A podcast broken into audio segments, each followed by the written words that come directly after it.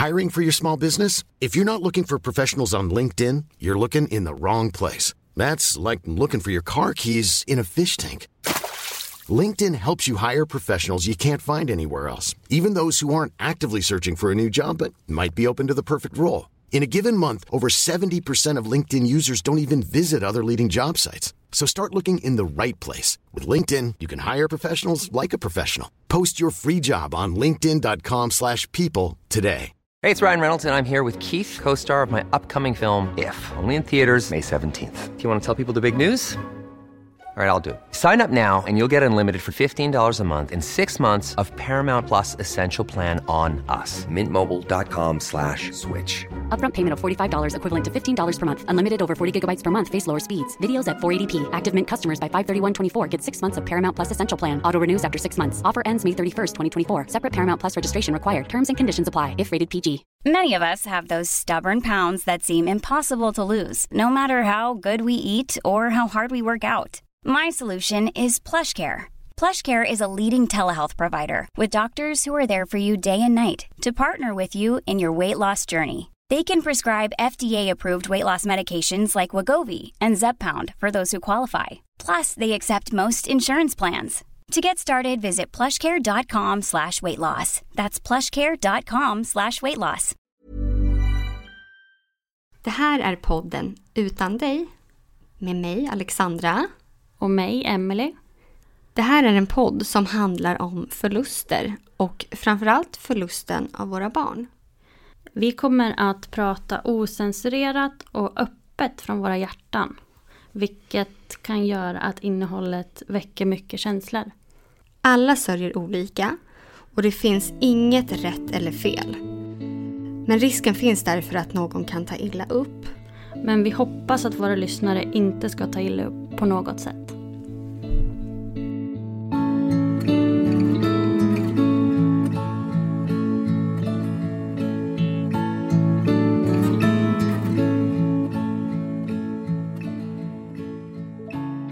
Idag har vi en mamma med oss som heter Kristina. Välkommen hit. Tack så jättemycket. Det känns eh, roligt för oss att ha dig här och vi vill gärna höra om din berättelse. Mm. Eh, min berättelse är ju lite annorlunda än de andra poddarna som vi har haft så långt i alla fall. För eh, våran son var äldre. Eh, Mattias som han hette, han var nästan 18 år när han gick bort nu i somras. Och han hade ingen sjukdom innan, han var en kärnfrisk kille. Och, jag kan börja lite innan han var färdig med tvåan på gymnasiet. Vi skulle åka till Båstad på sommarlov. Han skulle ta körkort när vi var där nere så han eh, övningskörde hela vägen från Stockholm till, eh, till Båstad. Och eh, när han kom ner dit så upptäckte han att han hade kompisar från eh, Danderyd och, och Täby. Eh, där nere också. Så han blev superglad alltså. Yes, då kan jag vara ute och umgås med dem och festa och, och ha det kul eh, i alla fall en vecka. För det här var under tennisveckan också som, eh, som var i, i Båstad. Eh, så vi kom ner dit på en tisdag. Och på onsdagen så spelade vi tennis hela familjen, som vi brukar göra när vi är där nere. Och mitt under, eh, under tennistiden där så, så tar han alltså sin t-shirt och sen så upptäckte han hade en eh, svart fläck på magen. Han bara så, jag har fått en fästing. Han fick ju helt eh, panik. Och ja, vi åkte hem, tog av ut den här fästingen med sån här fästingpinsett. Eh, åkte tillbaka igen och fortsatte spela tennis. För han hade inte satt sig, satt sig fast på honom.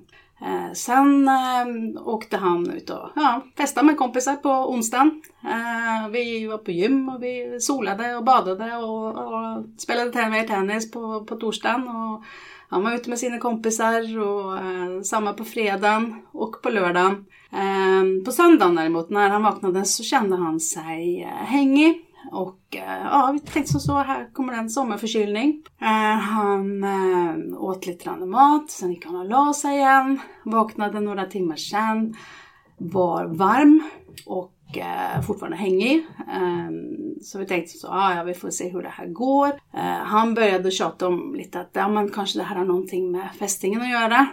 Eh, så han var lite nervös för det här. Eh, sen kollade vi upp eh, vilken vårdcentral som är uppe på en söndag. Det är inte så många som är uppe på, på en söndag. Och det var i Ängelholm. Så när febern började att bli så pass hög att jag kände att nu har den gått upp lite för fort eh, på, på kort tid.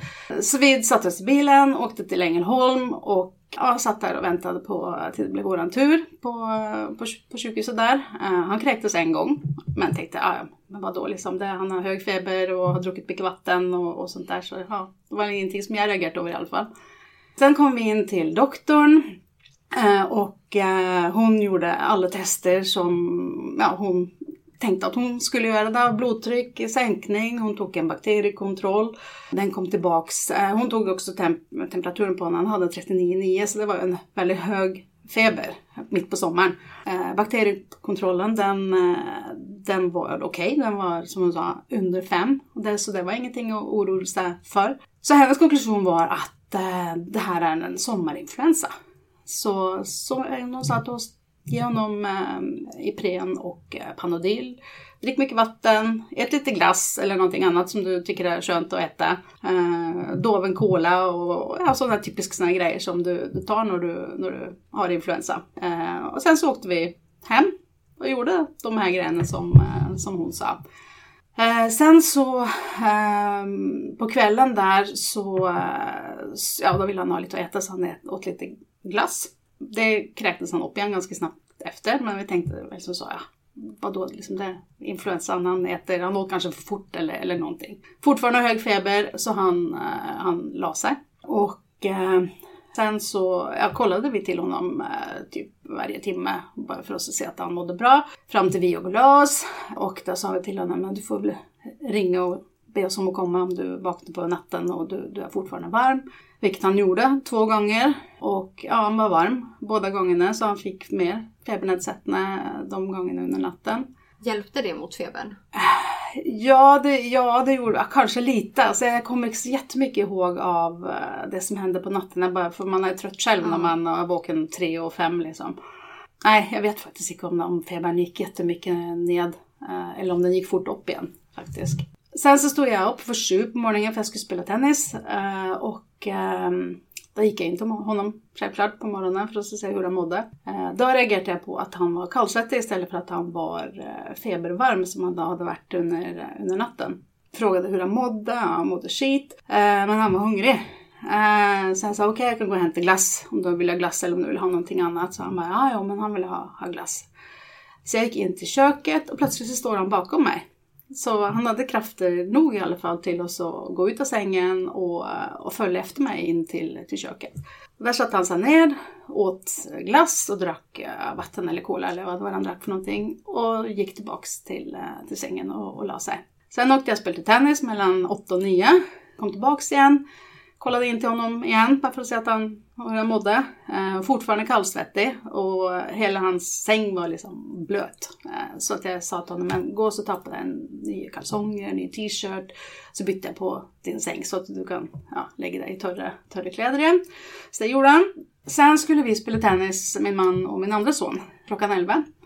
Och eh, det sista jag gjorde innan vi åkte därifrån från eh, vår sommarstuga, det var att kolla in till honom och se om, hur han mådde. Och då låg han och sov. Så jag tänkte, fine, nu, nu får han ligga och sova och liksom ta det lugnt till, till vi kommer tillbaka. Jag kände dock på mig att vi borde åka in till vårdcentralen igen bara för att, alltså, och kolla. Men sedan han låg och sov så tänkte vi som så, ja men vi tar det när vi kommer tillbaka igen från, från tennisen. Och han hade tydligen varit uppe runt halv tolv, gått in till köket igen, satt sig ner och ätit eh, lite mat, pratat med sin farfar. Han hade varit eh, lite trött och han hade mått illa som han hade sagt till, till sin farfar.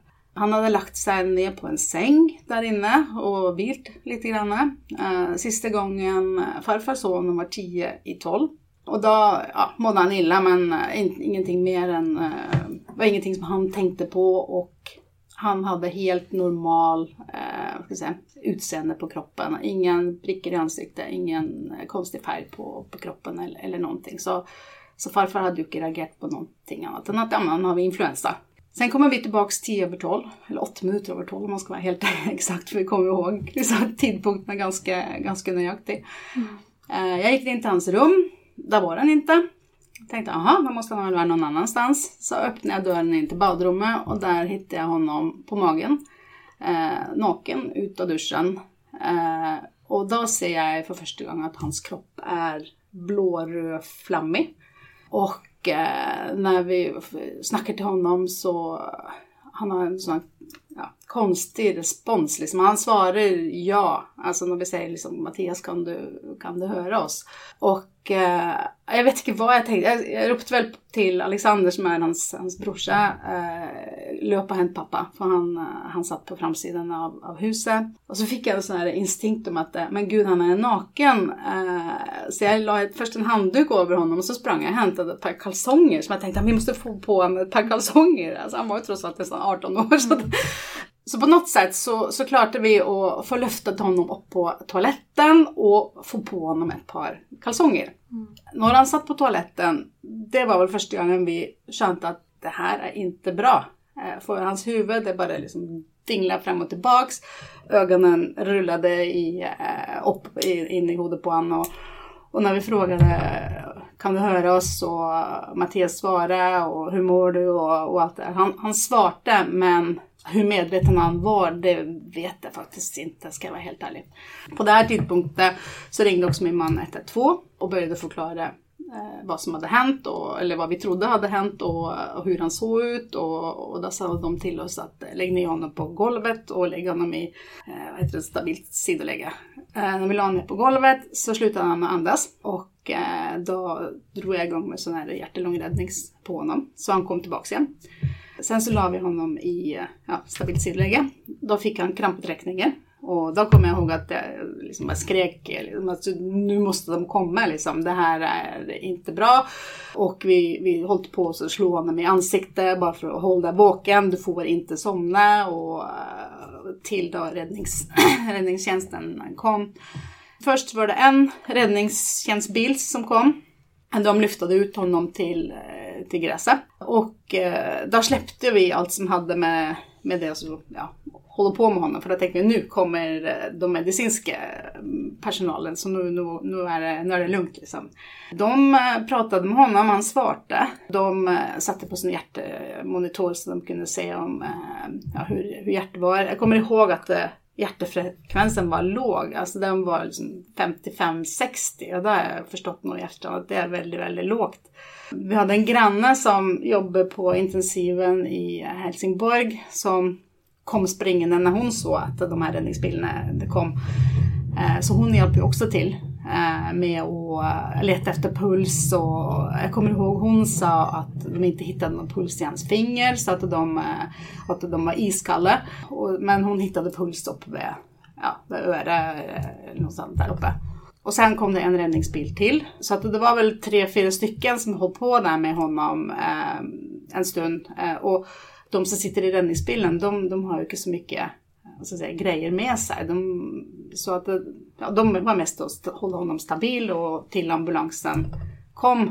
Och de kom väl ja, någon gång runt ja, några minuter över halv ett var klockan blivit då. Då kom det två ambulanser eh, och då tog de över med att ge honom, eh, jag vet att de gav honom någon typ av eh, injektion förmodligen för att kickstarta honom och säga att han skulle adrenalin eller, eller vad det var för någonting.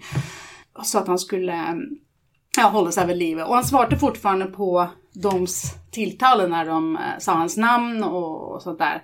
Men sen plötsligt så gick det väldigt snabbt om att han svarade icke och han andades dåligt. Jag kommer ihåg att de satte ner sådana här tuber i, genom näsan och in i halsen. Och, och plötsligt kvart i ett så såg både min man och jag att hans pupiller blev jättestora. Och när de lyste på honom med en lumblikt så, så hände det ingenting. Och det var nog på det tidpunkten han dog på gräsmattan då. Eh, våran, vi har kommit, jag kommer ihåg att när, när de höll på med honom så reagerade jag på att det hade varit en, en tåre som hade trillat ner eh, här och i ansiktet. Och hans lillebror hade hört att han hade sagt mamma där då på den tidpunkten när pupillerna blev då stora, då blev det hektisk eh, där med både hjärtkompression och, och, allt möjligt. Och de fick honom in i ambulansen eh, och jag skulle följa med i ambulans, den andra ambulansen bakom. Jag kommer ihåg att jag frågade ambulanschauffören, ska jag ta med någonting till honom? Ska jag ta med några kläder och, och sånt där? Och hon bara, ja ja det kan, kan du väl göra. Så jag sprang in och hämtade shorts och t-shirt till honom. Hämtade med en bok. För jag räknade med att jag blev sittande på Halmstad sjukhus en stund då. Till de får liksom, ja, fixa honom. För det, man var ju, alltså, vi var helt eh, övertygade om att eh, nu, nu blir det bra. Och eh, ja, så kom jag, satte jag mig i andra ambulansen och vi körde då efter och det, det gick ju i full fart alltså. Det gick, det gick jättesnabbt där. Eh, när vi sitter i ambulansen så, så säger hon, eh, hon till mig, eh, har du några frågor? Och, och lite sånt där, så här, jag vet inte vad jag ska ställa för frågor egentligen. Eh, bara liksom, eh, det, är det allvarligt? säger jag till henne. Ja, det är allvarligt, så du bör nog ringa din man och be honom sätta sig i bilen och komma efter med din andra son. Och det var väl första, första gången jag tänkte som så, shit, det här är inte bra. Och då fick jag en sån där reaktion i kroppen också, att man brinner och darrar och, och liksom, ja, man mår, mår illa. Sen kommer vi till, eh, till Halmstad sjukhus, kommer in på akuten. Eh, och jag frågar då den här ambulansdamen, kan jag få gå in och titta, eh, se, se honom? Mot mig kommer en doktor och en präst. Då förstod jag, det här är inte bra om jag kan få gå in och se honom och då kommer en präst emot mig. Alltså det, det, det kändes bara, nej. Men jag förstod fortfarande inte hur allvarligt det var. Eh, så då tog man mig till ett rum eh, och började ställa en massa frågor. Liksom, har du varit i Norge? Man sa nej, vi har inte varit där på jättelänge. Eh, vad har han gjort för någonting? Vart har han varit? Och, och massa sådana här frågor som de ställde som, liksom inte fattar helt varför. Eh, varför. Eh, och efter en liten stund så säger de till mig, eh, kan du ringa din man igen och fråga hur långt bort de är? Ja, där var de typ fem minuter bort från, eh, från sjukhuset. Så när de kom så kom ju både eh, Alexander och Peter som är min man eh, in till det rummet där jag satt och eh, satt väl där några minuter så kommer eh, eh, hon som var barnöverläkare in och så säger hon eh, jag har dåliga nyheter till er och tyvärr så har Mattias gått bort. Eh, först jag säger till henne, men du skämtar! Alltså, det, det var liksom inte på världskartan att han skulle dö liksom. Från att ha varit en superkämpfrisk eh, kille en dag innan till att bara, men vad, vad är det här? Och de misstänkte nog redan då att han hade fått då det som heter meningokocker. För vi fick med en gång antibiotika, både Alexander, Peter och jag. Och så fick vi också som vi skulle ta med till farfar så att han kunde få, få antibiotika.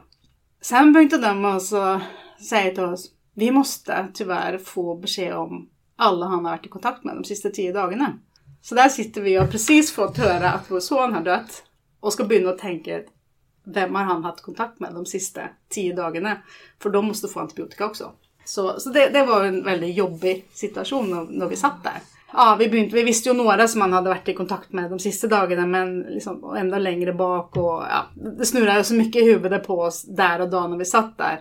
Ja, så fick vi gå in och se honom. Då hade de tagit bort alla, alla sådana här apparater och sånt som de hade haft på honom. Och ja, han låg, det såg ut som han låg och sov. Om man ska se det så. Det, det gjorde det. Men fortfarande väldigt overkligt att han inte andades och att han bara låg där liksom. Eh, ja, vi gick tillbaka igen till det här rummet och så satt vi där lite till och pratade med de här doktorerna och eh, ja, till slut så kände vi att ja, men vi ville åka hem. Vi måste ju förtälla farfar, informera resten av familjen eh, och så vidare. Så att vi, vi var inte så jättelänge på sjukhuset. Jag vet inte, kanske vi var där två timmar eller sånt. Sen så åkte vi tillbaka igen till, till vår sommarstuga för att prata med farfar. Och inte minst ge honom den här antibiotikan också så att så han också skulle ja, icke bli, bli sjuk om man ser det så. Och jag kommer faktiskt jättemycket mer ihåg av, av den dagen. Förutom att vi ringde, ja, vi ringde mina föräldrar, vi ringde syskon. Och det var väl de vi pratade med den, den dagen. För vi orkade inte att ringa, ringa varandra. Ja, vi visste liksom inte helt hur vi skulle hur, gå vidare ut med, med den här informationen om, om vad som hade, hade hänt. Men vi, vi var ju i chock och ville ju gärna få veta vad vad som hade hänt och, och sådär dagen efter så eh, och ja, den natten så sov vi självklart inte jättemycket. Det, det var inte så konstigt. Det var mycket tankar och tårar och, och, och sånt som hände, hände den natten. Och dagen efter så ringer de oss till från sjukhuset och säger att de hade fått det bekräftat att han hade fått meningokocker. Och att det, det är ju då smittsamt, alltså innan, innan det är smittsamt när, när han var död, men alltså han kunde ha smittat någon eh, också, trodde de då. Så, så de sa till oss att vi måste få den här listan på på de här personerna som han har varit tillsammans med de sista tio dagarna. Då, då tänkte vi som så att eh, okej, okay, ska vi komma upp med den här listan som de då skulle ringa runt. Eh, för det är en sån regel som finns inom smittskyddsenheterna på sjukhusen att har du fått den här bakterien så måste det, alltså då blir det liksom alarm eh, överallt. Och, så då måste du få tag på de här personerna så att de kan få antibiotika också. Och då insåg vi också ganska snabbt att så fort den listan har blivit gett till sjukhuset så kommer det här att bli spridd ut eh, bland kompisar och, och, allt det där. Så att vi valde själv att gå ut ganska kort på Facebook. Och eh, vår yngste son eh, la ut det på, på sitt Instagramkonto. Så att det kom ifrån oss innan det kom ifrån eh, från sjukvården. Och då började telefonen att ringa, självklart. Det var inte så konstigt. Och det var ingen som fattade någonting, vad som hade hänt. Nej men det, det, var, det var en fruktansvärd dag, får jag väl säga. Orkade ni ta emot de samtalen eller? Eh, ja, vi, vi svarade väl på dem som vi kände att vi ville prata med. Annars bara tryckte vi bort dem. Och så ringde vi själv runt till en del av våra närmsta kompisar som vi kände att ja, men, vi vill prata lite om. Det måste få höra det först. Så det var ganska många samtal, eh, jobbiga samtal. Eh, När man redan är i en så jobbig situation. Ja, liksom. mm. ja. och det, det, var ju ingen som fattade vad som hade hänt. Alltså, och ingen som kunde tro att det var sant. När man ringer och förtäller att Mattias är död. Hur vi klarade det där, jag vet faktiskt inte. Men eh, på något sätt så, så gjorde vi det. Och vi hade också fantastiska vänner som var på sitt sommarställe inte för långt ifrån oss. Som skrev till oss, liksom, har du ätit någonting? Jag bara, nej, vem, vem tänkte på, på mat? Och så, vi kommer. Så de kom med mat till oss. Och det, det är vi idag fortfarande är vi tacksamma för att de gjorde det. Dagen efter kom det andra med mat som bodde hos oss. Alltså för hela första veckan så hade vi folk runt oss. Alltså andra folk runt oss hela tiden som eh, lagade mat och ja, bara var där liksom. Eh, som vi kunde ja, gråta med och skratta med och prata om andra saker med och, och, och vidare. Och, ja, även när vi kom hem till Stockholm efteråt så, um, så fortsatte det. Så att uh, första månaden tror jag inte jag lagade middag en enda gång. ja, vi är evigt tacknämliga för alla de som stod för oss uh, den jobbiga perioden om man säger så. Så, så det som han fick då, uh, det var då en bakterie som hette meningokocker. Och han hade en version som hette W det finns olika varianter av den här eh, meningokockbakterien. Och det orsakade då hjärninflammation och blodförgiftning. Och det är den mest aggressiva versionen som man kan få av, av det här. Och får man då det här så går det väldigt, väldigt snabbt. Det går, kan gå på 24 timmar, vilket det gjorde tyvärr i, i vårt äh, tillfälle. Och hur får man det? Det kommer, det är smitt, dråpesmitta. Så att det kan vara att man pussar någon, det kan vara att man delar en, en öl eller dricker samma kopp. Eller om man är eh, liten, alltså små barn, så kan det vara att man byter nappar eller, eh, eller sådana grejer. Så att man det är droppesmitta som, eh, som det här kommer med. Och det är 10% av befolkningen som har den här smittan.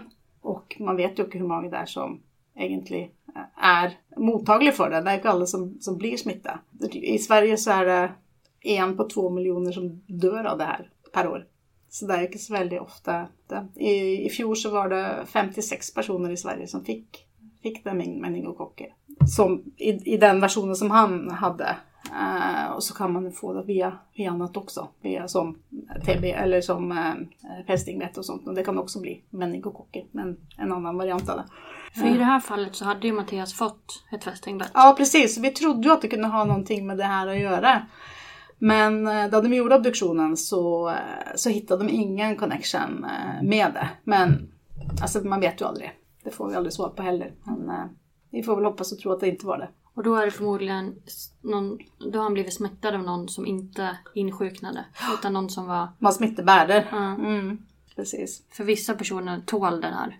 Och Vissa personer tål det, vissa gör det inte. Det är därför det är så viktigt att de som varit i, i närhet av en sån person får eh, antibiotika supersnabbt. Så att det inte hinner att bryta ut på, på den personen eh, också. Och, eh, när, det, när det blir mer än, än en person på ett litet samhälle så ofta så, så får man ju vacciner och på. Det har ju hänt några utbrott i Sverige, inte jättemånga. Men eh, det har ju hänt.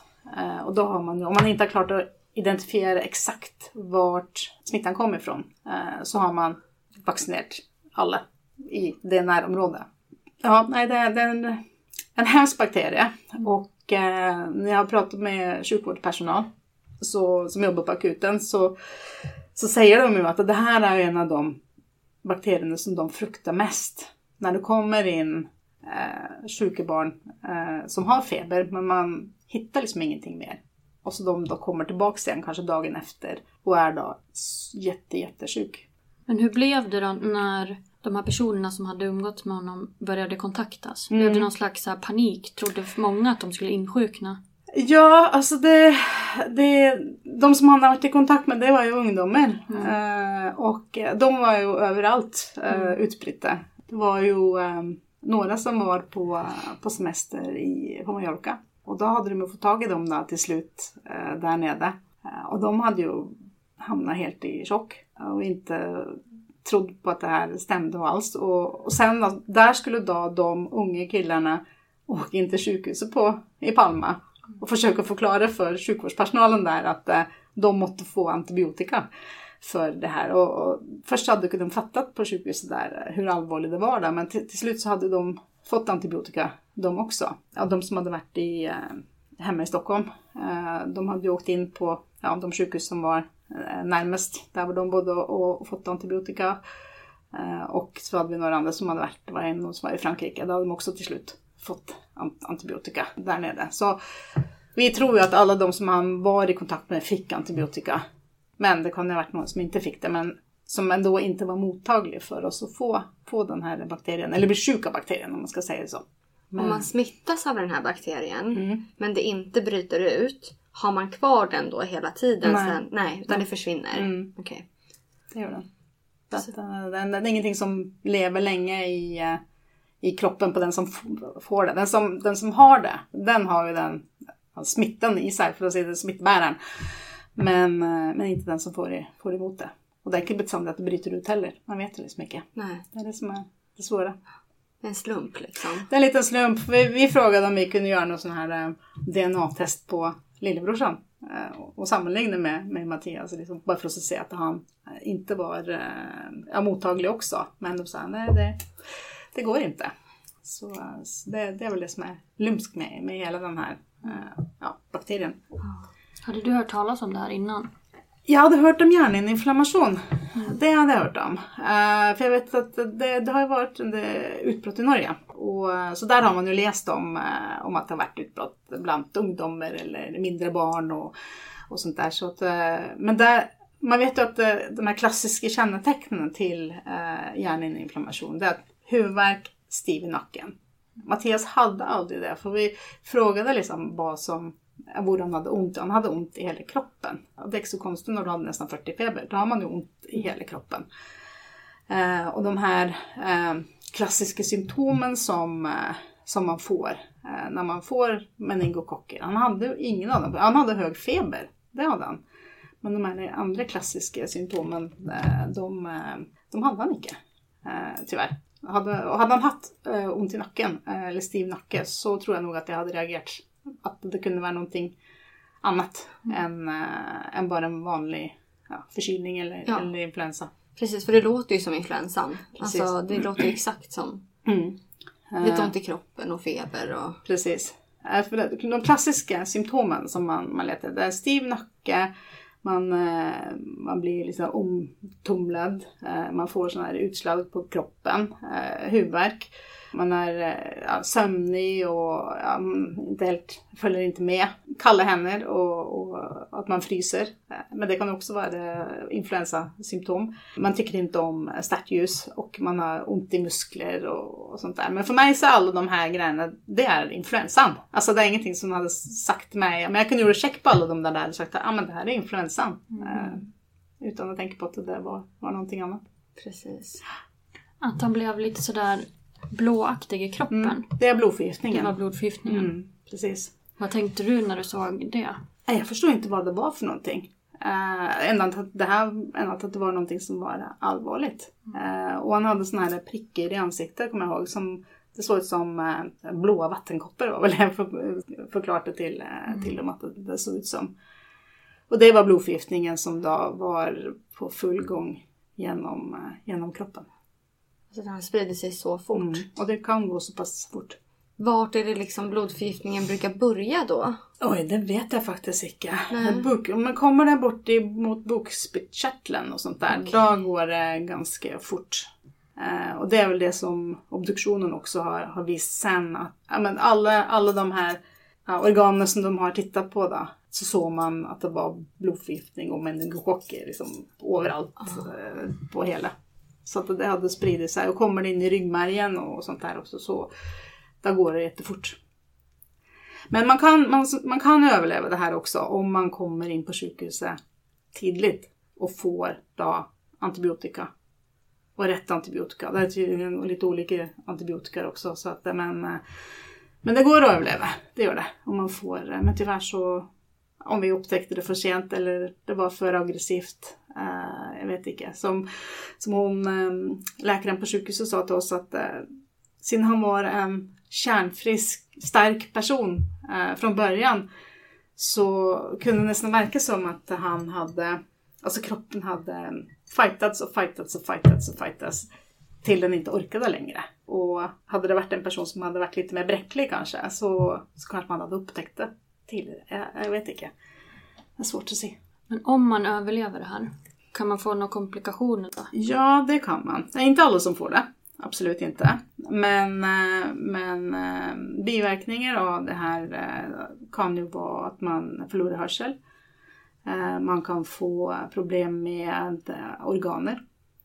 Och det finns ju massa olika problem. Det kan vara njurarna som sviktar, det kan vara Eh, lungor, det kan vara allt möjligt. Alltså det, det beror lite på vilka organer som det har satsat mest på. Och får man blodförgiftning också så kan ju det föra till att man måste amputera eh, kroppsdelar också. Men som sagt, det är inte alla som eh, Vissa överlever utan säga allvarlig men. Självklart så får man säkert en, en vad ska säga, en chock eh, och sånt där som man alltid lever med. Mm. Eh, men det är inte alla som får allvarlig men av det.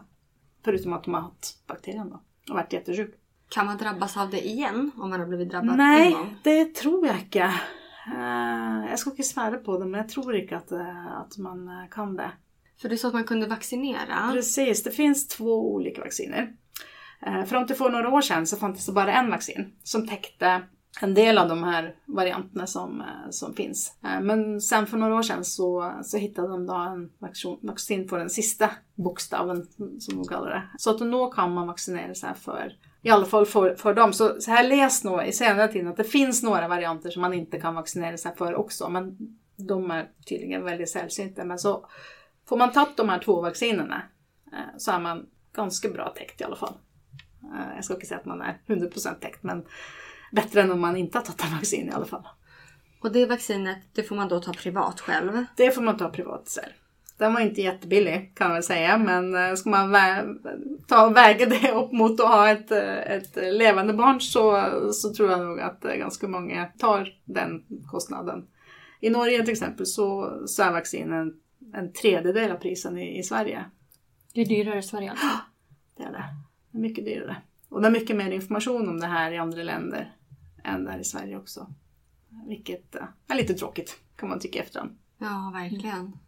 För nu är du ganska involverad i att du vill sprida mer information. Precis, det, var, det bestämde jag mig ganska snabbt. Eh, när vi förstod vad som hade hänt och, och började läsa om vad meningokocker var för någonting. Alltså jag hade liksom ingen aning eh, vad det var. Hjärninflammation, som sagt hade man ju hört om meningokocker. Vad är det här? Och det är samma reaktioner som våra kompisar hade också när vi förtalte vad, vad det var för någonting. Blodförgiftning har man hört om, men den här meningokocker, vad är det för någonting? Och ju mer man läste om det här och eh, när man sökte på det här på internet så, så hamnade man hela tiden på utländska sidor. Alltså det var väldigt, väldigt lite i, i Sverige. Och även om man går in på Folkhälsoinstitutets hemsida och sånt där så ja, det står ju vad det är för någonting. Men, men det jag tycker saknas i den här informationen som, som jag har hittat i alla fall, det är vem som är i riskzonen, vad kan man göra? Vad ska, mycket symptom ska man se efter? Alltså alla de här grejerna som finns i de andra länderna på de här hemsidorna som man har, har hamnat på. Så det är väl en sån grej som jag satt mig i huvudet ganska snabbt att det, jag måste göra någonting. Jag måste få ut den här informationen till, ja, man ska säga hela Sverige, men i alla fall så, på, så, så brett som det går. Och eh, varför informerar man inte på BVC till exempel om att eh, den 0 till 3 är riskzonsbarn?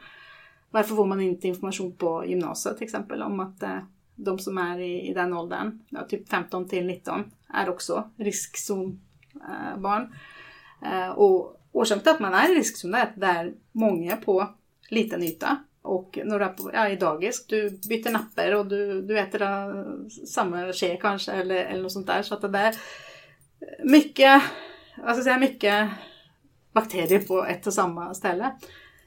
Samma händer när du blir, går på gymnasiet och du börjar att festa, du umgås i kanske lite större omgängen och, och sånt där.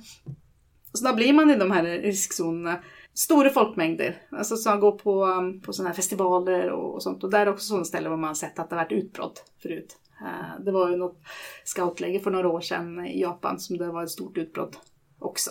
Så det är det som jag gärna vill få till nu på något sätt och informera om. Uh, få det här ut till, uh, till andra så att de inte behöver gå igenom samma helvete för att se det rätt ut som, mm. som vi har gått igenom. Och vart hittar man att man kan vaccinera sig? Ja, det är att gå på Sveavaccin till exempel. Mm. eller andra vaccinationscentraler och, eh, och be om att få den. Eller först må man beställa, för det är inte alla som har den här i, mm. i lager heller. Men, eh, men det, som sagt, beställa då de här meningokockvaccinerna. Jag hittade en broschyr från en, en farmaceutical som, om det här. Den står liksom längst bak i en bokhylla. Men det är det enda jag har sett. Jag har inte sett någonting på uh, våran uh, nära, nära akut uh, eller något sånt där, där vi bor. Vad konstigt att det är så gömt. Mm. Det är så, mm. det är så livsfarligt. Ja, precis. Och det kan gå så fort. Och det liksom. kan gå så fort, precis. Så det, det är väl någonting jag hoppas att jag kan få, få förändra på, på något sätt. Ja. Och vad är det då för symptom man ska hålla mm. utkik efter? Precis. Det var lite som jag sa när med, med stiv nacke och eh, att man får eh, seizures som det heter på, på engelska. Eh, och att man har utslag på, på kroppen, eh, man har eh, stark huvudvärk, eh, man är trött, man, är, eh, man kanske inte får vaknat upp eh, folk heller. Kalla händer, man fryser, man, man kärver, man gillar inte starka ljus eh, och man har ont i, ont i kroppen. Det, det är liksom de, och så feber självklart. Men det är ju skitsvårt att veta det. Precis. För det är ju precis som du sa, man tror ju att det är influensa. Ja, precis. Och alla som lyssnar på det här nu kommer ju tro att det är det när de Eller får hur? influensa. Det man kanske ska ha lite koll på är, är det influensasäsong? Ja. Är det inte influensasäsong? Mm. Kanske man ska vara den där tjatiga morsan och, och uh, insistera på att man kanske får ta en, uh, en extra bakterietest uh, eller något sånt där. Mm. bara för att. Eh, men samtidigt, jag vill ju inte sprida någon panik nej, nej. runt omkring nej. heller. Man ska ja, tänka till. När är influensatider? Ja, det är ju på vintern. Eh, det är ju inte på sommaren. Nej. Precis. Det börjar väl nu. Alltså, ja. Det är därför vaccinen för influensa startar nu den 19. Precis. Men i ert fall så visade ju bakteriet, bakterietestet mm. inget konstigt. Nej, och det är också en grej som vi har lärt oss i efterhand att när man gör den här bakterietesten eh, så visar den tillståndet 24 timmar innan också, mm. var det någon som sa. Eh, så att, eh, ja, hade vi åkt in på måndagen så kanske det hade visst något utslag. Men, men som en annan eh, läkare sa till mig också att det, hade den visst 20 så hade inte det varit extremt onormalt heller. Hade den visst 200 eller något sånt där. Då hade de kanske börjat att reagera. Men, men alltså de nivåerna som han kanske hade haft, det hade inte varit nog till att de hade tagit in honom förmodligen. Och man ska ju inte ta in alla, man, ska, man kan ju inte lägga in alla bara för att man har hög feber. Alltså då blir ju sjukhusen överfyllda. Ja, precis. Men kan man specifikt be dem kolla efter de här meningokockerna då eller? Ja, men man, den måste ju odlas också. Okej. Alltså att man kan inte ta, man märker det inte på en gång. Man kan misstänka utifrån symptomer och sånt. Då. Så är man, är man en, eh, en, eh, en läkare på akuten till exempel. Ja, men de, de känner ju de här symptomen och det kopplar ju säkert i huvudet på dem att ja, man kanske ska kolla lite extra på, på det här eller det här. Men för att få helt bekräfta att det är meningokocker så måste de odla fram bakterien. Och det tar ju gärna över natten eh, också. Så, men det är väl det helst det att man, och så kan man ta någon, eh, någon eh, ryggmärgsprov också. Men det är heller ingenting som du, du gör på vårdcentralen. Alltså då, där är du gärna redan inne på, på sjukhuset om du ska, ska göra sådana grejer. Och är du då på akutläkare så, så gör du säkert det om du misstänker att, att det är det. Men du som privatperson tror jag aldrig kan kräva att man ska göra, göra sådana grejer. Men tänker du mycket att hade vi kunnat gjort något annorlunda? Har du sådana tankar?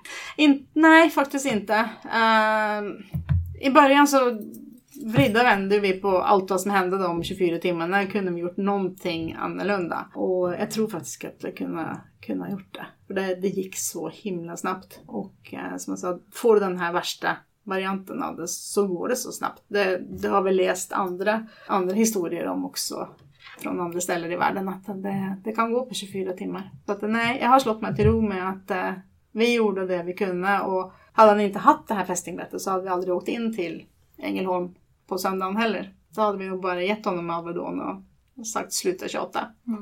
Misstänker jag. Mm. Tror ni att han förstod? Sådär mot slutet när han blev så himla dåsig och borta. Jag vet inte. Eh, Tror du han märkte av att ni liksom var panikartade och... Jag vet inte. Det är jättesvårt att så, att så se alltså. Om man i det hela taget registrerat att, eh, att vi var där. Jag hoppas att han gjorde det. Eh, Att han förstod att vi var där och att vi, vi gjorde vad vi kunde för att, att rädda honom. Men eh, nej, det är jättesvårt att så, att så veta faktiskt. Jag hoppas att han inte hade ont. Om man det så. Att det gick fort.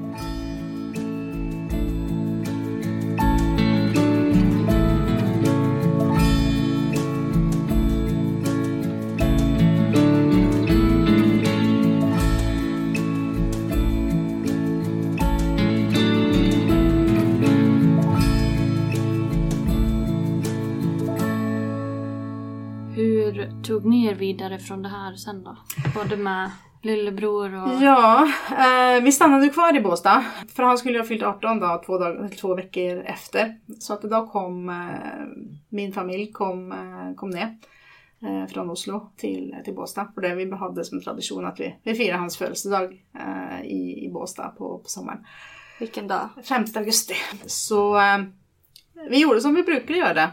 Vi köpte en tårta som vi brukar äta klockan över två.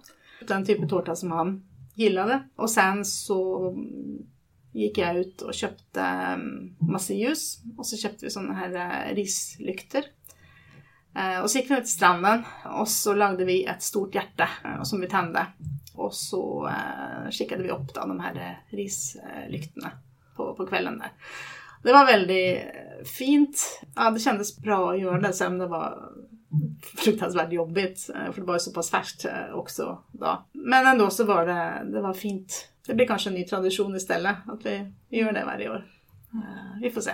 Det- är så pass färskt och vi får se vad vi gör efter det.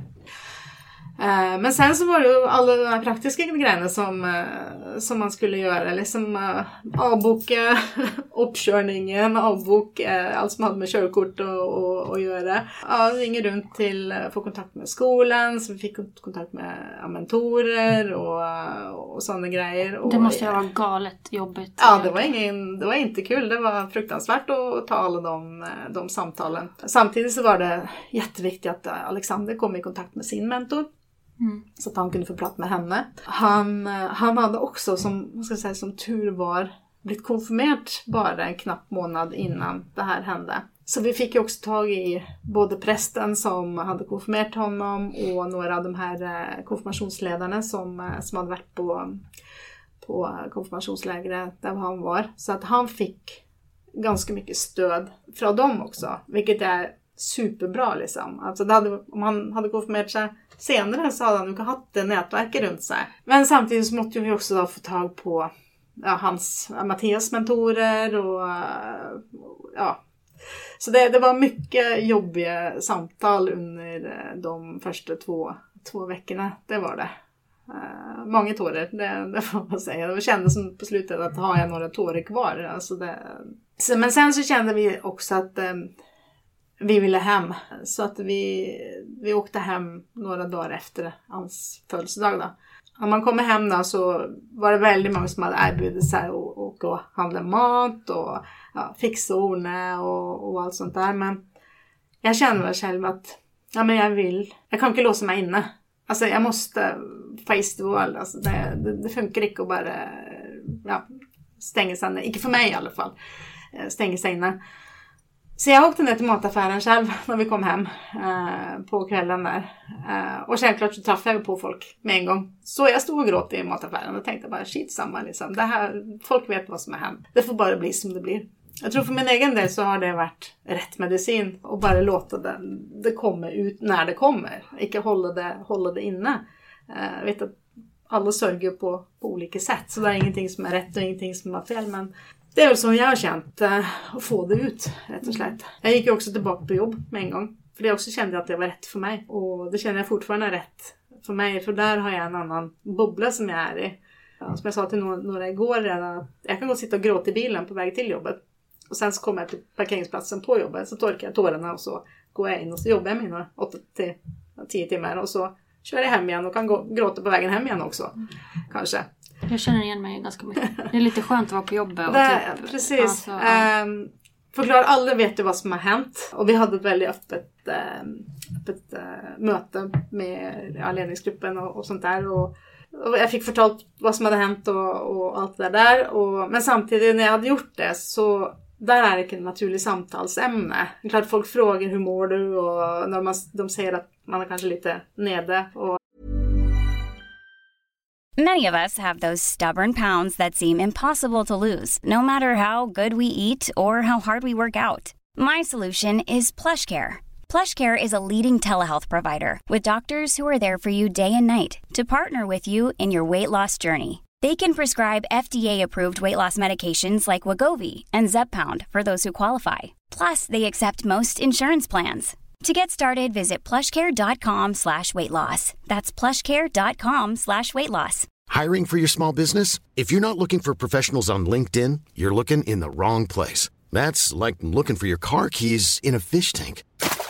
LinkedIn helps you hire professionals you can't find anywhere else, even those who aren't actively searching for a new job but might be open to the perfect role. In a given month, over 70% of LinkedIn users don't even visit other leading job sites. So start looking in the right place. With LinkedIn, you can hire professionals like a professional. Post your free job on linkedin.com slash people today. Uh, då kan jag själv välja att säga om ja, men jag mår jättebra eller jag kan säga att ja, men jag mår skit. Och så pratar man kanske inte mer om det den dagen.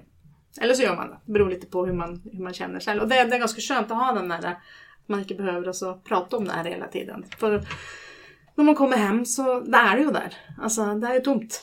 Eh, det saknas någonting i huset. Och vi hade en jättestor begravning. Det var proppfull kyrka i Danderydskyrkan. cirka över 400 personer. Men samtidigt, det var också en sån här fin dag. Eh, vi har haft en fantastisk präst som, eh, som hållit talen, eller hållit i hela, hela. Och hon började att säga med att det är ingen av oss som vill vara här idag. Eh, så nej, det, var, det var en fin men självklart förfärlig dag. Absolut. Det vi gjorde som, eh, som jag är jättetacksam för idag är att vi tog ett avtryck av hans hand, ett gipsavtryck som vi har hemma. Eh, men som vi också hade med i, på begravningen som vi la på, på kistan. Och då sa vi, och hon sa det också, då, att de som ville kunde gärna lägga handen på denna gipsen för att ta liksom, sitta farväl när man gjorde defileringen. Och det blev väldigt, väldigt stämningsfullt eh, när, när det gjorde. För men kyrkan var ju, det var minst hälften som var ungdomar. Och som kanske aldrig hade upplevt att eh, någon i familjen en gång hade gått bort. Så det var en eh, intensiv, jobbig dag. När var det? Det var nu i... Det var i augusti. Mm. Det var 23 eh, augusti. Så strax efter hans 18-årsdag. Mm. Och då hade vi också um, hans kompisar som bar kistan ut och sånt också. Det var också väldigt starkt. Men de tyckte också att det var fint att, att, göra den biten. Då blev han sänkt ner i jorden samma dag han skulle, skulle kremeras. Så vi ska faktiskt ha det nästa fredag. Mm. På fyramånadersdagen när han dog. Ur nedsättning. Mm. Uh, för det var också en sån grej som har måttet växa fram i oss. Liksom, vart ska han begravas någonstans? Uh, först så tänkte jag att han skulle begravas i Båstad, för där ligger hans farmor. Eh, men sen så kom vi fram till, nej vi vill ha det hemma, nära. Och sen ska man hitta plats på kyrkogården och lite sånt där. Så det, det har varit en sån process som man bara måste, måste komma sig, komma sig igenom. Eh, men samtidigt så har jag också nog känt att jag vill ha ett ställe att gå till. Så att eh, även om han inte är begravd än så har vi liksom våran plats på, på kyrkogården. Jag ska också säga att jag har varit där varje dag men varannan dag, var tredje dag i alla fall. För det är så fridfullt på kyrkogården tycker jag. Och det tror jag nog jag kommer att känna sen när han är liksom fysisk i, i jorden också. Hur har ni tänkt göra med undsättningen där? Är det bara ni som kommer vara där då? Eller har ni... Ja, i början så var väl det tanken att de bara skulle vara närmaste familjen. Sen så ähm, ja, det har varit många som har velat tända ljus och, och sånt där. Så att på alla helgonen så, äh, så var vi på kyrkogården och då var det några hans kompisar som kom också för oss att tända ljus. Och eh, ja, då ställde de frågan när ska det liksom gravsätta och allt det där. Så sa vi att ja, men det ska vara den 22 ja, då sa de väl bara med en gång att ja, men om det vill komma så får det komma. Jag vet inte hur många som kommer, det, det får vi se. Uh, men det är ingenting organiserat som, som en begravning om man säger så. Uh, och jag har också varit och besökt skolan uh, och hans klass. så jag sa till dem också att det får jättegärna komma på, om det vill, den 22. Så, så vi får väl se hur många som, som dyker upp. De skulle, eller han skulle ta studenten till sommaren. Eh, så att, eh, ja, vi pratar lite om sådana grejer. Om de ska inkludera honom på studentflaggan på något sätt med något foto eller ja, vi får se vad som händer lite längre, längre fram. Men eh, ja, de har det jobbigt de också. Det är någonting som saknas i klassen. Och vad säger lillebror? Ja, han säger väl som oss andra att det går upp och ner. Vissa dagar är bättre än andra. Vissa dagar är skit och andra dagar är väl okej. Okay. Saknaden är ju eh, det. Det är ju någonting som är borta. Eh, absolut. Han har också ett fantastiskt nätverk av kompisar som, som stödjer eh, om man behöver. Han har också han har fått en, en, en psykolog på skolan som, som stödjer honom. Hans mentor är fantastisk och stödjer honom också. Men det är klart, det kommer vissa dagar som man bara bryter ihop. Eh, och eh, så kommer det väl att vara i, i lång, lång tid framöver. Eh, vi vet vi kan känna oss okej okay idag. Eh, om ett halvår så kan det vara jättejobbigt. Eh, man har ingen aning. Ja, vi får väl bara ta det som det, det kommer med vem man behöver att prata med. Behöver man professionell hjälp? Behöver man inte? Eh, och så får man bara liksom ta en dag i taget. En timme i, i taget. Det är inte så mycket annat att göra. Sorgen kommer alltid att vara där. Så, så är det. Det som jobbigt är ju kanske att man inte är samtidigt i samma sorgeläge. Och ni är ju liksom tre stycken nu då i Precis. huset. Precis. Jag har också sagt det flera gånger att de kunde man ställt in det som att det liksom på fredag klockan fem, då ska vi vara ledsna. Så att vi på lördag klockan åtta kan vara glada. Liksom. Det hade varit uh, mycket enklare. Men uh, nej, men det, det är så man, man vet inte. Det, det får... Och det är det som är väl utmaningen för både den lilla kärnfamiljen och kanske större familjen också. Att man man måste låta varandra få lov till att vara ledsna när man är ledsen. Och det är också en sån grej som jag sagt till Alexander att det, stäng dig inte inne på ditt rum och gråt. Alltså, det är bättre att vi, vi får se att ja, men nu är du ledsen. Så att nu, nu får vi ta lite hänsyn till, till dig. Eller trösta dig. Eh, och samtidigt att han också kan se att vi är ledsna. Så att man kan, ja, vi kan stödja, stödja varandra. Ja, att man gör det tillsammans liksom. Precis. Och att den som, då in, den som inte är ledsen kan kanske försöka ja, ja, trösta dem, den eller de som, som är, är det. Men det, det är en stor utmaning. Kan ni vara på olika nivåer över att typ vilja prata om Mattias också? Ja, lite så känner jag väl att vi, vi är. Men vi, vi har varit ganska öppna hela tiden allihop. Eh, Men det är klart, jag är väl den som pratar mest tror jag. Om det är för att jag är tjej, det vet jag inte. men, eh, men jag mår bra av att prata om det. Jag har ett fantastiskt tjejgäng runt mig som jag kan prata med när som helst. Och som också skickar mig sms och ringer nästan varenda dag. Bara för att se att det går med benen ned och huvudet upp. Så, ja, det är jätteskönt att veta att man har, har ett sånt umgänge. Vill du gärna prata om det som har hänt och också om alla glada minnen innan och så? Eller är det något speciellt som du tycker om att prata mest om? Ja, beroende lite på situationen ska jag väl egentligen säga. Men eh, jag pratar jättegärna om det som hände innan också. Alltså vilken fantastisk eh, person han var. För det, det har vi ju sett nå.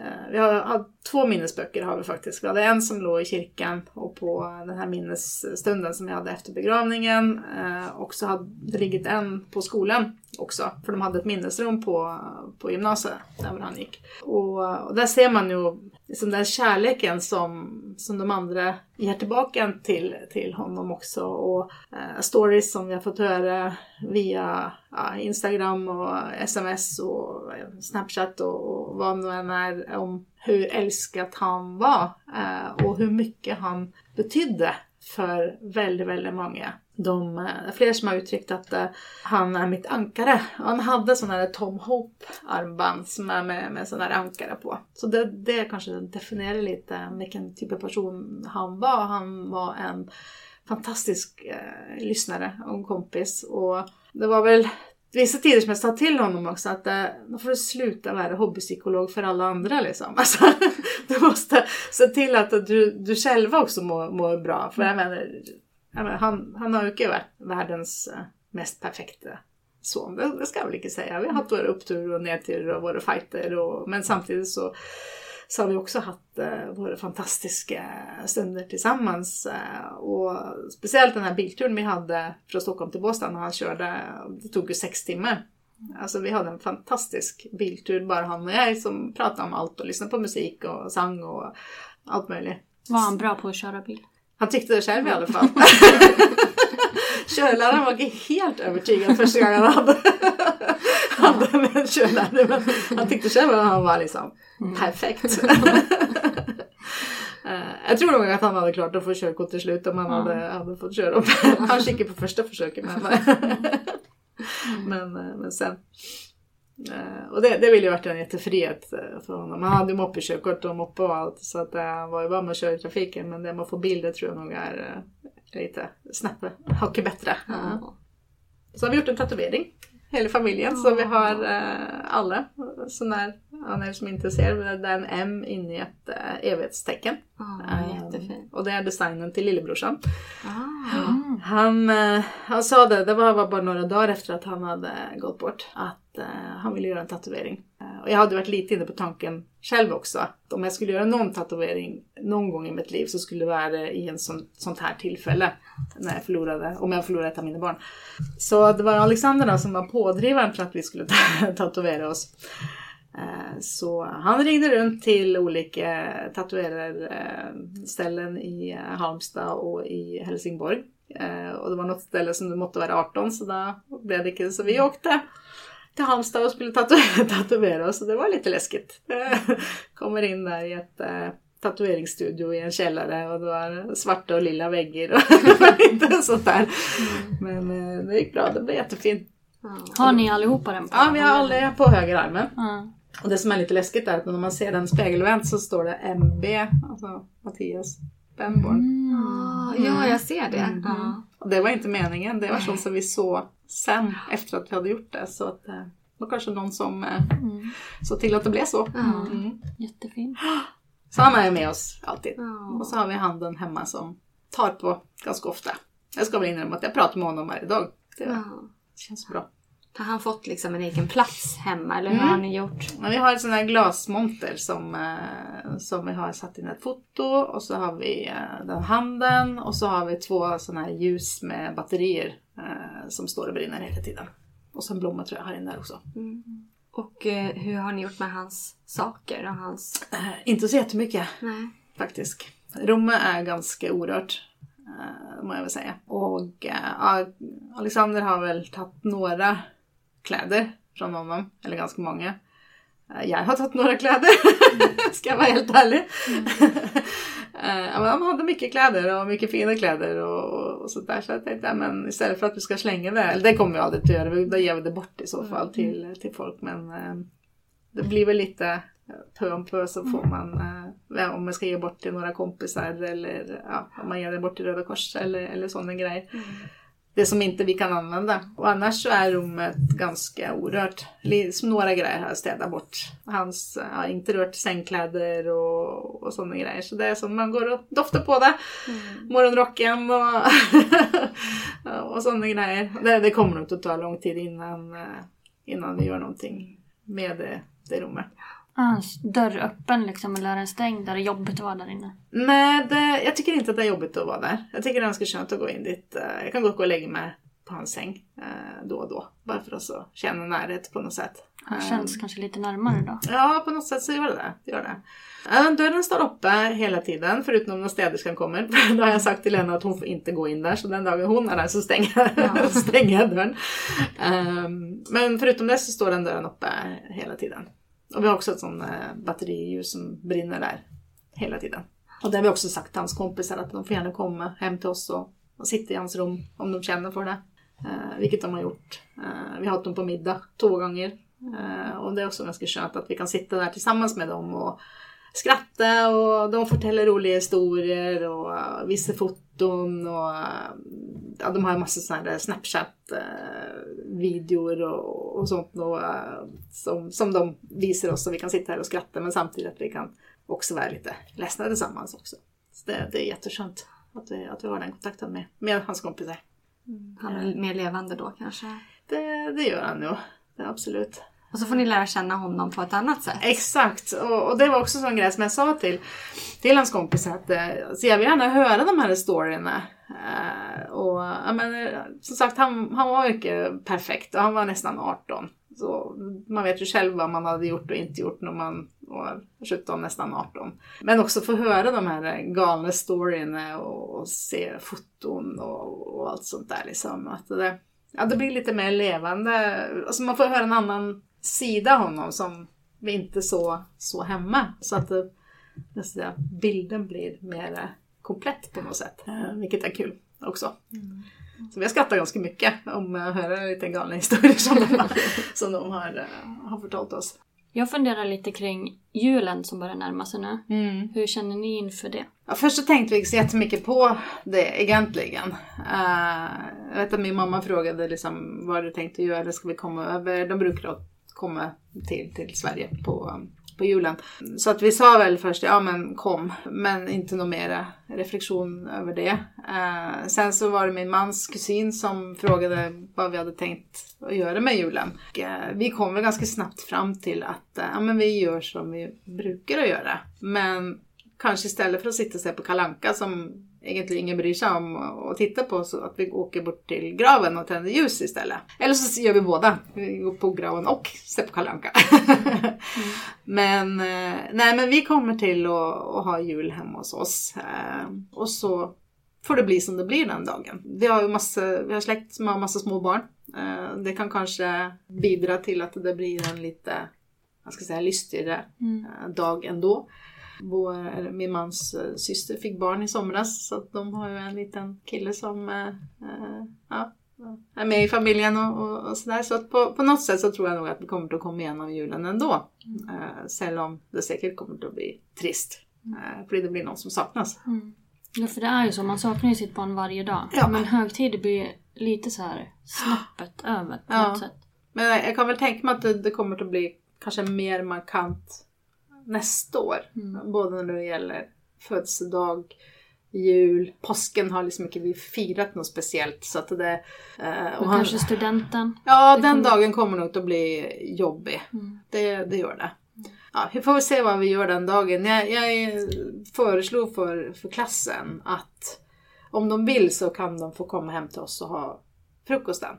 För det hade jag tänkt att jag skulle erbjuda ändå. Mm. För det gjorde mina föräldrar på mig när jag tog studenten. Tänkte att det var en kul tradition att föra vidare. Kanske vi på något sätt är delaktiga i studenten ändå. Eh, plus att det är så många av hans kompisar som tar studenten så att eh, vi kanske flyr runt på alla möjliga studentmottagningar istället för att ha, ha studentmottagning hemma. Men ja, det kommer att bli en jättejobbig dag. Det gör det. Det är väl det som står närmast i tid liksom. Alltså Ja. just kanske förutom jul och så. Men det var väl något specifikt som han också såg fram emot. Ja, precis. precis. För det kan ju vi kanske aldrig liksom. Våra barn har ju aldrig haft en klass eller liksom. Det blir ju det blir något helt annat när man liksom har varit mitt uppe i det. Och så blir det något helt annat liksom, som händer. Precis. Så, men man får ta det som det kommer. Det är inte så mycket annat att göra. Jag, jag tror, även om man kanske kan föreställa sig in i hjärnan hur man kanske önskar att det ska bli. Så har man ju ingen aning om hur mår jag den dagen. Jag kan må kanonbra eller jag kan må jättedåligt. Det, det är väl det som, ja, vi, som vi som har förlorat barn lär oss ganska snabbt att eh, det är som go with the flow. Eh, Man kan inte styra Nej, man kan inte det. Det är det. Uh, vilket är ganska, på ett sätt, skönt men samtidigt väldigt jobbigt. Att man inte kan styra över det. Hur tycker du att ni har blivit bemötta av sjukvården i form av stöd och sådär? Mm. Eh, alltså när vi var nere i, eh, i Halmstad så där var inte vi hemma. Där var vi, som, vi var på semester. Men jag ska, hon som var diakon på Halmstad sjukhus, eh, hon var jättebra. Hon, hon hållit oss eh, informerat hela tiden och ringde och checkade upp på oss och, och, och sånt där. Och samma med, med både hon som var barnläkare och överläkare på, på Halmstad sjukhus. De, de var jättefina eh, och vi kunde ställa vad som helst av frågor om det som hade hänt och sånt där. Var det de som var med och gav dödsbesked också? Ja, det var det. det, var det. Så vi hade kontakt med tre, tre stycken där. Det var diakonen och så de här två läkarna. Och vi hade också ett jättefint, eh, vad ska jag kalla det för, exit-intervju.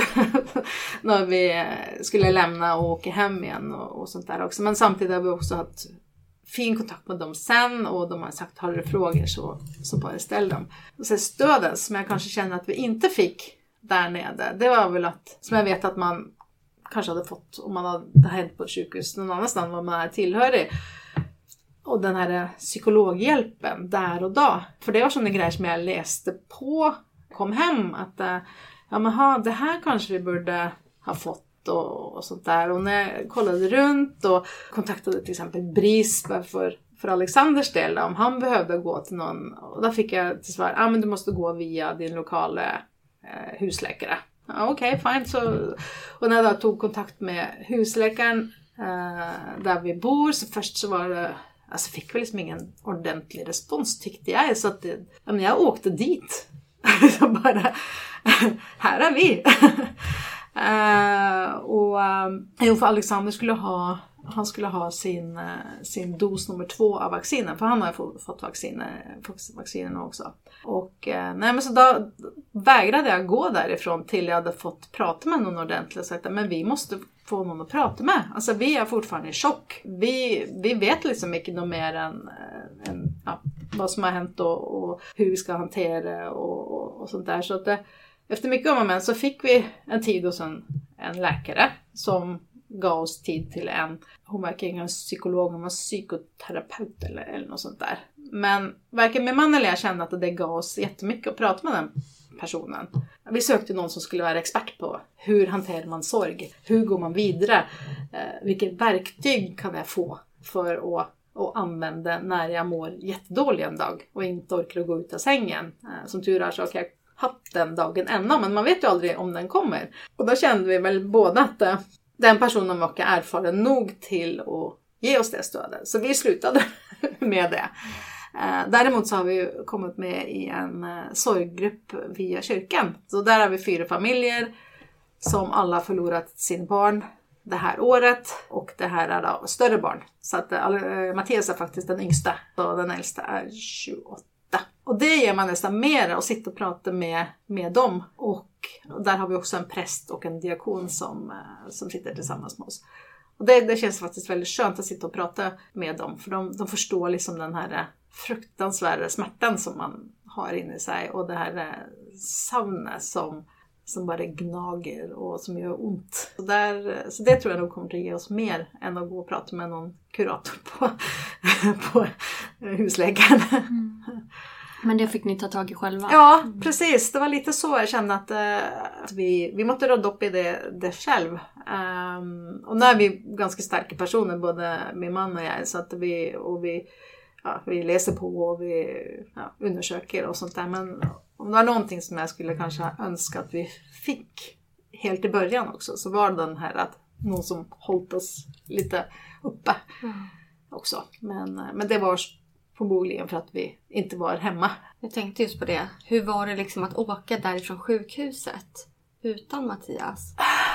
Ja, vi fick ju frågan om vi skulle köra, köra där, om eh, Klara där och köra bil. Och min man sa ja, så han, han satte sig bakom ratten men eh, vi sa ju inte så jättemycket. Det var ganska tomt. Man visste, vi visste ju inte vad vi skulle säga. Vi visste ju inte vad vi skulle säga till varandra en gång. Nej. Eh, Och det måste också ha varit jättetomt att komma hem sen från semestern Ja. till ert Ja, det var, det var fruktansvärt jobbigt. Det, det var sjukt tungt att eh, gå upp till hans rum.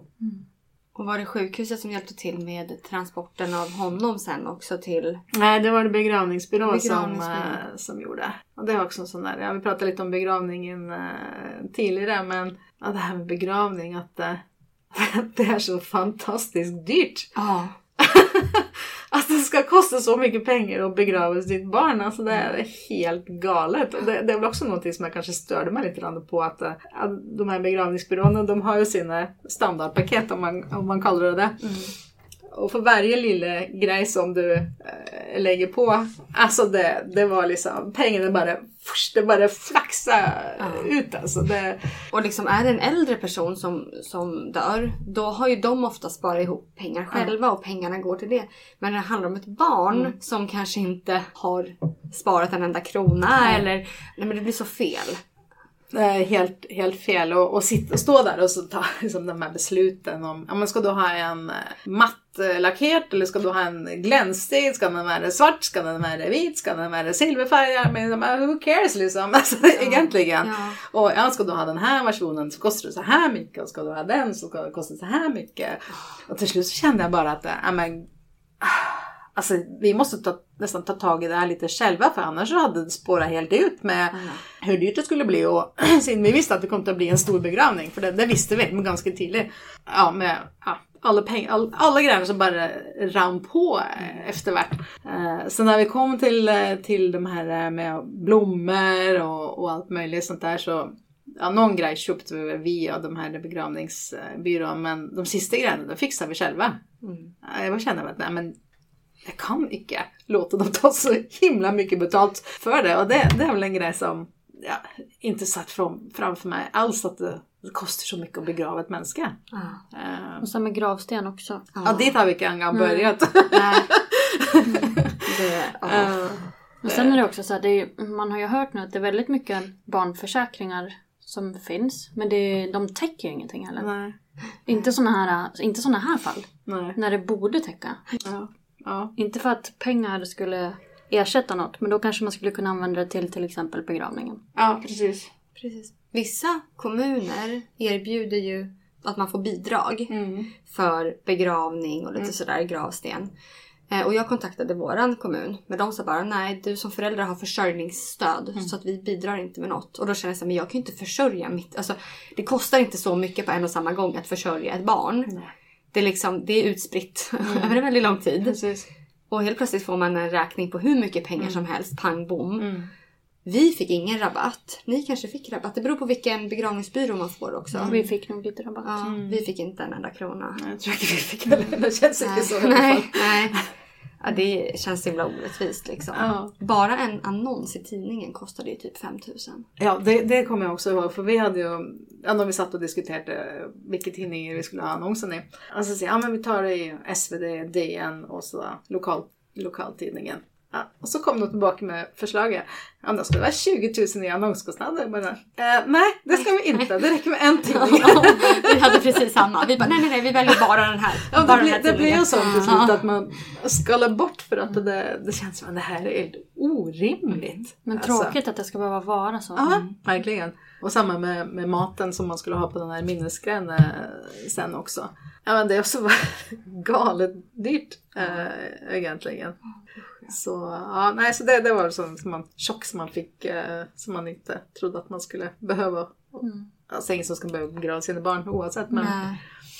nej, Du pratade ju mycket om att ni fick bra stöd av era vänner. Ja. Uh, är det någonting som du tyckte att de hade kunnat gjort mer? Nej, inte just nu faktiskt. Mm. Um, det, de har varit eh, helt, eh, helt fantastiska. Och det har kanske varit lite också för det att vi har själv också sagt rakt ut, både face to face och via Facebook och Instagram och sånt där att det, vi kommer att behöva er hjälp hur lång tid framöver som helst. Så liksom glöm, glöm inte att vi fortfarande finns, för det är väldigt intensivt i början vad alla vill hjälper till och alla vill komma med mat och alla vill fixa och ordna och allt det där. Men, men så läser man ju och man hör daler in, jag ska säga intressen, men alltså, ja men de går vidare med sina liv, vilket man förstår, mm. men vi sitter kvar. Så att vi, vi, vi har väl sträckt ut handen själv och sagt att ja, men vi, vi behöver er hjälp. Eh, lång, lång, lång tid framöver. Eh, och jag kommer väl att påminna folk om det om en stund igen. Om att, eh, men glöm oss inte. Eh, det, vi, vi behöver er. Så, nej, så, så, så långt så tycker jag väl inte att de inte har gjort nog. Mm. Och vad var det bäst att de har gjort då? Ja, men det är att de har varit där, att de kom med mat och, och bara de här äh, små hjärtana som man får som sms eller, mm. eller vad man får. Äh, ja, de här smågrejerna som jag tänker på dig. Uh, och även om du inte hörde från mig idag så, så tänker jag på det ändå. Alla de där små, små grejerna. Och folk ja, men, drar där ut med att gå en promenad och eller, spela tennis eller paddle eller göra någonting annat. Gå på konsert, gå ut och äta. Mm. Sådana grejer. Att man, man fortfarande är inkluderat i, i samhället på något sätt. Mm. Uh, det, det tycker jag faktiskt är ganska, ganska skönt. Att de drar ut den liksom. Att man inte... Och så har vi, vi har möjligheten att säga nej. Eh, och det har också varit en fin grej om att eh, även om du har sagt ja och känner att den dagen, ja men jag orkar inte, jag fixar inte att gå och vara trevlig på en middag. Så är det ingen som, som blir liksom arga för att man ringer och säger I'm sorry liksom, men det funkar inte idag. Mm. Alltså, jag måste bara vara hemma. Och det är också ganska skönt att veta att man har vänner som accepterar det där. Mm. Så, nej, så det, det sätter jag supermycket pris på att vi har ett sånt umgänge. Ja, jättefint. Ja. Jag tänkte om du kanske ville avsluta med och berätta lite om de här olika organisationerna och den insamling som du mm. har för att sprida mer information om det här. Absolut. Och vi kommer uh, självklart länka till det här också. Mm. Och vi, vad man kan göra för att hjälpa till att sprida det. Ja, precis. Vi vi startade ju, istället för att få tusenvis av blommor eh, Eh, så, så startade vi en minnesfond. Jag var ganska tidigt, som jag sa, tidigt ute med att ehm, eh, vi måste göra någonting. Alltså det, någonting gott måste vi försöka göra utav, utav det här. Och eh, ju mer man läste om, eh, om de här olika organisationerna som, som finns så fann vi oss ganska snabbt att det finns ingenting i Sverige. Eller det finns en organisation i Sverige som heter Barnplantorna. Eh, men den är ehm, mer riktat mot de som har hörselskador. Um, men så jag, jag kan se framför mig att jag vill få igång någonting som är mer täckande som täcker kanske både meningokocker och blodförgiftning och, och sånt där. Jag vet att Sepsisfonden är ju någonting som heter, men där är det mer bara blodförgiftning och sånt där. Så man få till någonting som man tillsvarande det som man har gjort i England och i USA och i Danmark och i Holland och så. Det finns, det finns andra länder som har sådana här eh, organisationer. Och där är en organisation som heter Meningitis eh, Research Foundation som, eh, som håller till i England. Och där har vi lagt ut våran story som jag har skrivit ganska detaljerat om hela händelseförloppet och sånt där. Och, den, den, den har blivit delad långt över 2000, 2500 gånger eller något sånt där. Så den, den har verkligen blivit spridd runt omkring i, ja, kanske inte i hela världen men i alla fall eh, många ställen.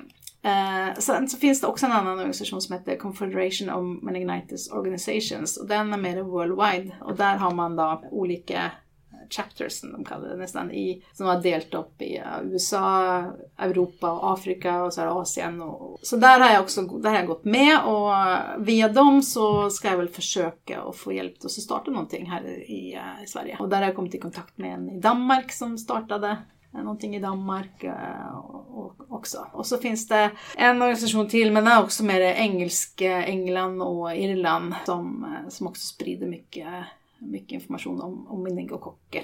Eh, men som sagt, den är mer lokal i, i England. Så, och det, en del av de här, eller båda de här eh, två som jag nämnde först, de, eh, de sprider nästan dagligen information om, om det här. Världens hälsoorganisation, WHO, har också bestämt sig för att de ska bekämpa meningokocker innan 2030.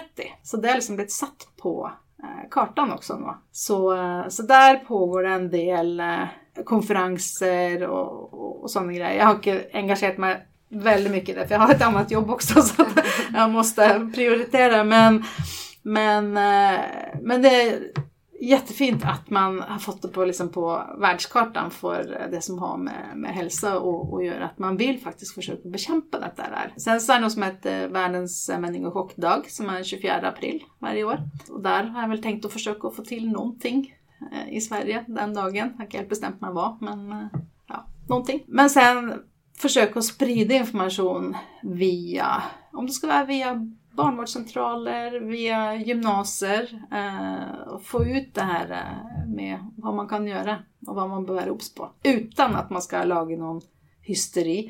För det tycker jag är viktigt, att man ska inte laga någon sån här eh, eh, grej. Men samtidigt på något sätt få, få ut den här informationen till allmänheten. Hur kommer man i kontakt med Minnesfonden som ni har startat? Ja, då kan man komma i kontakt med mig via Facebook mm. eh, eller Instagram. Mm. Faktiskt. Där, så kan jag fortälla vad det kontonummer är.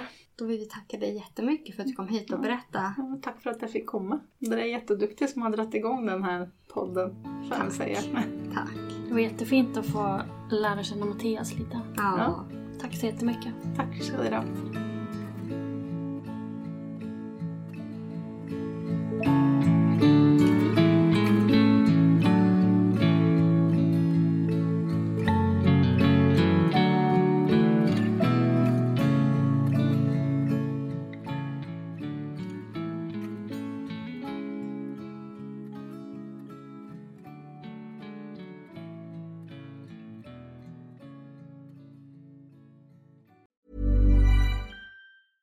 Hi, I'm Daniel, founder of Pretty Litter. Did you know cats tend to hide symptoms of sickness and pain? I learned this the hard way after losing my cat, Gingy. So I created Pretty Litter, a health monitoring litter that helps detect early signs of illness by changing colors, saving you money and potentially your cat's life. Pretty Litter is veterinarian developed, and it's the easiest way to keep tabs on your fur baby's health right at home. Go to prettylitter.com and use code ACAST for 20% off your first order and a free cat toy. Terms and conditions apply. See site for details.